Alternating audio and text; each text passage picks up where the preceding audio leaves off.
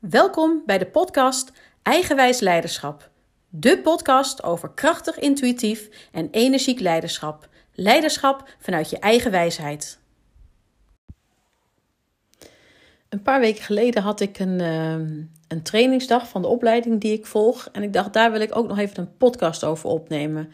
En uh, nou, ik had steeds ook niet echt de, de energie om een podcast op te nemen. Maar deze uh, opleidingsdag, dat zat wel steeds in mijn systeem. Dat ik dacht, ja, maar daar wil ik nog wat mee en daar wil ik jullie nog wat over vertellen. Want ik volg dus inderdaad de opleiding Systeemdynamieken in organisaties.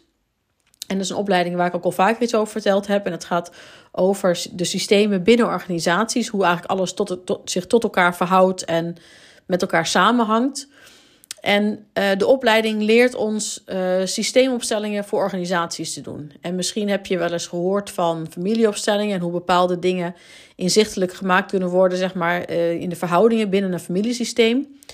Wat overigens ook ontzettend boeiend is. En sowieso is het gewoon goed om te weten dat iedereen natuurlijk ook met zijn eigen familiesysteem binnen een organisatiesysteem stapt. Dus iedereen met zijn eigen historie, zijn eigen programmering binnen elke dag natuurlijk aan het werk gaat binnen de organisatie waar die werkt. Maar de opleiding die gaat dus inderdaad over organisatieopstellingen en uh, het maakt zeg maar dat de verhoudingen binnen de, het maakt de verhoudingen binnen een organisatie helder. En het werkt zo dat er iemand, een cliënt zeg maar, een vraagstuk inbrengt omdat er iets binnen de organisatie niet lekker loopt. Of dat er een probleem is waar hij of zij keer op keer ook weer tegenaan loopt. En het is goed om te weten uh, dat er veelal alleen een opstelling neergezet wordt voor een vraagstuk waar de cliënt zelf invloed op kan uitoefenen. We doen bijvoorbeeld geen opstellingen om inzicht te krijgen over bijvoorbeeld hoe de directie van een bedrijf functioneert, zonder dat diegene zelf deel uitmaakt van de directie. Weet je, dat voelt niet integer. En daarnaast kan de persoon er uiteindelijk ook weinig mee. Heeft hij weinig invloed op wat hij. Um, op, op de inzichten die hij uiteindelijk meekrijgt uit de opstelling. En we zijn nu op een moment aangekomen in de opleiding dat er iedere keer ook gastcliënten uitgenodigd worden. En dat wij als cursisten ook mogen oefenen met vraagstukken van deze gastcliënten. En hiervoor brachten we zelf vaak onze vraagstukken in waar we tegenaan liepen in organisaties waar we werkzaam zijn. Of waar we als interim aan de slag zijn. En dit doen we ook nog steeds zeg maar, in de losse oefengroepen en af en toe ook nog wel in de training. Maar nu komen er dus ook gastcliënten. En dat is echt ontzettend boeiend, want die komen weer vanuit allerlei verschillende organisaties. Die komen weer met allerlei andere thema's. Uh, de een heeft al wel iets een keertje gedaan met opstellingen, de ander helemaal niet. Maar we hadden dus nu een gastcliënt en hij kwam van een groot technisch bedrijf. En hij liep er eigenlijk tegenaan dat, zijn, dat hij zijn management niet meekreeg. En het bedrijf liep niet meer. Um, was ook niet al te positief in het nieuws geweest de afgelopen periode. En waar hij eerder ook zei dat hij met trots op verjaardagen vertelde waar hij werkte, ging hij tegenwoordig het gesprek meer eigenlijk uit de weg. En uh, voelde hij die trots ook, ook eigenlijk niet meer. En het mooie was ook dat deze man, uh, echt een man van de ratio, ik bedoel echt uit de technische sector. Dus in die zin kon ik me ook nou ja, met mijn historie vanuit de technische sector daar natuurlijk ook wel mee verbinden. Maar hij had nog nooit ook iets gedaan met systeemopstellingen. Wist ook totaal niet wat hij er moest van verwachten. Um, was ook totaal niet gewend om de controle uit handen te geven. En nu moest hij dus ook zijn verhaal vertellen. vertellen hoe de organisatie in elkaar stak, eh, hoe de historie van het bedrijf eruit zag, hoe, hoe ze eigenlijk gekomen waren waar ze nu waren. En uiteindelijk natuurlijk ook wat, wat het issue was, waar het probleem was waar die tegenaan liep.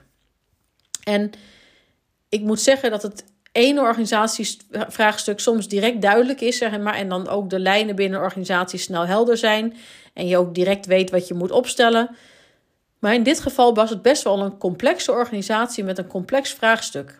En je kan dan zeg maar het vraagstuk volledig proberen uit te pluizen ook in het gesprek vooraf. Maar vaak is het krachtiger om, om op een gegeven moment maar eens gewoon wat, wat te gaan neerzetten. En uh, om, omdat je op het moment dat je het dus ook neerzet in het, nou ja, het veld, zeg maar, dus inderdaad eigenlijk de, de ruimte waar je, waar, je, waar je aanwezig bent, dat het dan dus al inzichten gaat geven en dat je vanuit daar uh, weer verder kan doorvragen en kan kijken van, goh, maar wat uh, klopt dit wat er nu staat? Dus we begonnen in dit geval de opstelling vrij klein. Um, de manager zelf werd neergezet. Dat wil zeggen, de gastcliënt die vroeg een van de cursisten om zijn functie te representeren in het veld. En daarnaast moest uh, de cliënt iemand uitkiezen om de fabriek te representeren. Dus de, de organisatie waar hij werkte. En in het veld staan dus ook niet altijd alleen maar personen of functies, maar soms staan er dus ook uh, onderdelen van het bedrijf of een heel team uh, of een groep mensen. Of er wordt een emotie neergezet of gewoon iets wat gezien moet worden. Dus nou, het gaat dus niet altijd per se om functies of personen. En in dit geval begonnen we dus met deze, deze twee representanten. En de twee representanten mochten een plek kiezen dan in het veld, in de ruimte. En het stomme is dat wanneer je nog nooit een opstelling hebt meegemaakt, je totaal niet kan voorstellen hoe het werkt. Of dat je kan voelen ook waar je zou moeten staan en hoe je zou moeten staan. En dat is ook eigenlijk ook niet echt uit te leggen om te beschrijven. Dat moet je echt wel een keertje zelf meemaken, een keer voelen. Maar dan zal je dus ook merken dat het echt, het, dat het echt gewoon voelbaar is. Dat je, dat je als het ware echt in de energie gezogen wordt van uh, de persoon of functie of hetgene waar je voor staat. En uh, nou, ja, in dit geval de, de, twee representanten gingen vlak naast elkaar staan. In een lichte hoek, zeg maar, naar elkaar toegedraaid, zodat ze elkaar ook wel wat konden zien. Maar ze voelden ergens ook gewoon totaal met elkaar verweven. En het voelde voor beiden ook best wel prettig. Maar ja, er was natuurlijk wel een issue wat speelde binnen de organisatie en een management wat niet goed liep. Uh, wat niet deed wat dat de manager van zijn management verwachtte. Want hij had een visie en hij zag een bepaalde toekomst voor zich. Maar zijn management die deed wat anders en dat liep niet. En nou ja, dus uiteindelijk werden dus, vervolgens werden de representanten gekozen voor de vier managers, zeg maar, die, die hij aanstuurde. En die gingen dus ook in de ruimte staan, in het veld staan. En het grappige is dat je dan al direct bepaalde inzichten krijgt. De ene manager ging heel dicht bij de fabriek staan. De andere manager stond haast buiten het veld. Eentje stond totaal omgedraaid naar buiten te kijken. En de ander die keek verdwaasd naar een van de andere managers. Het was echt duidelijk gelijk zichtbaar dat er inderdaad geen harmonie was, uh, geen, geen duidelijke koers zichtbaar in dit management. En ondertussen herkende de cliënt ook precies wat er stond en hoe iedere manager zich gedroeg. Maar ja, dat maakte natuurlijk nog niet dat hij het kon veranderen. En op een gegeven moment noemde de cliënt dat de passie voor het vak ook eigenlijk verdwenen was binnen de organisatie. Het leek alsof niemand meer zag wat het, waar het werkelijk om draaide. Alsof dus niemand ook die trots meer voelde.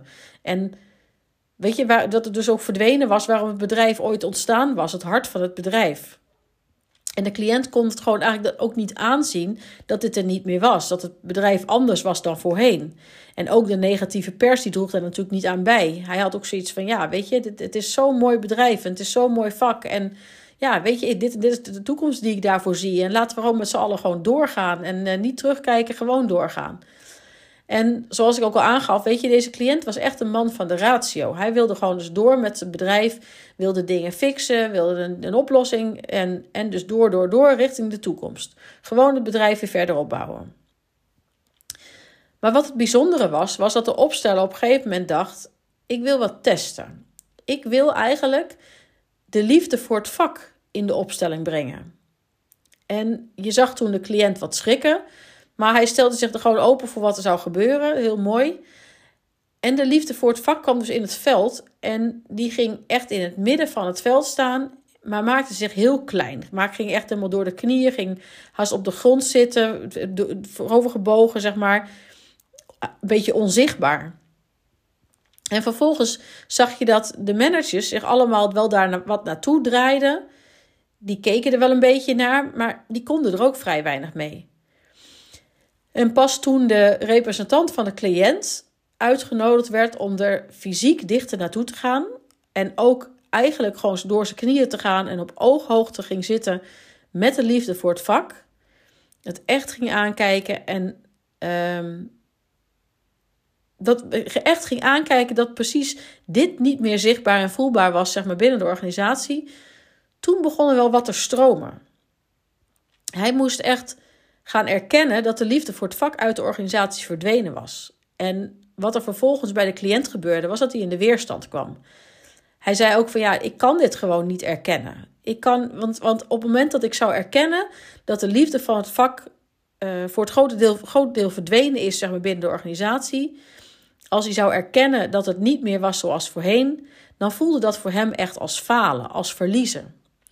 En hij zei: Ik wil gewoon kost wat kost niet verliezen. Dat doe ik gewoon niet. Dat, dat wil ik niet. Dat kan ik niet. Ik ga niet verliezen.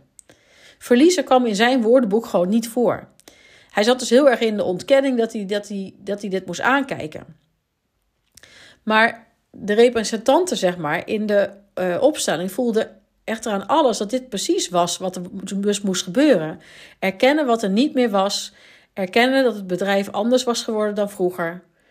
Want pas wanneer dat erkend zou worden, dan kan je weer groeien naar wat nieuws. En misschien komt er dan zelfs alweer een deel van het oude terug.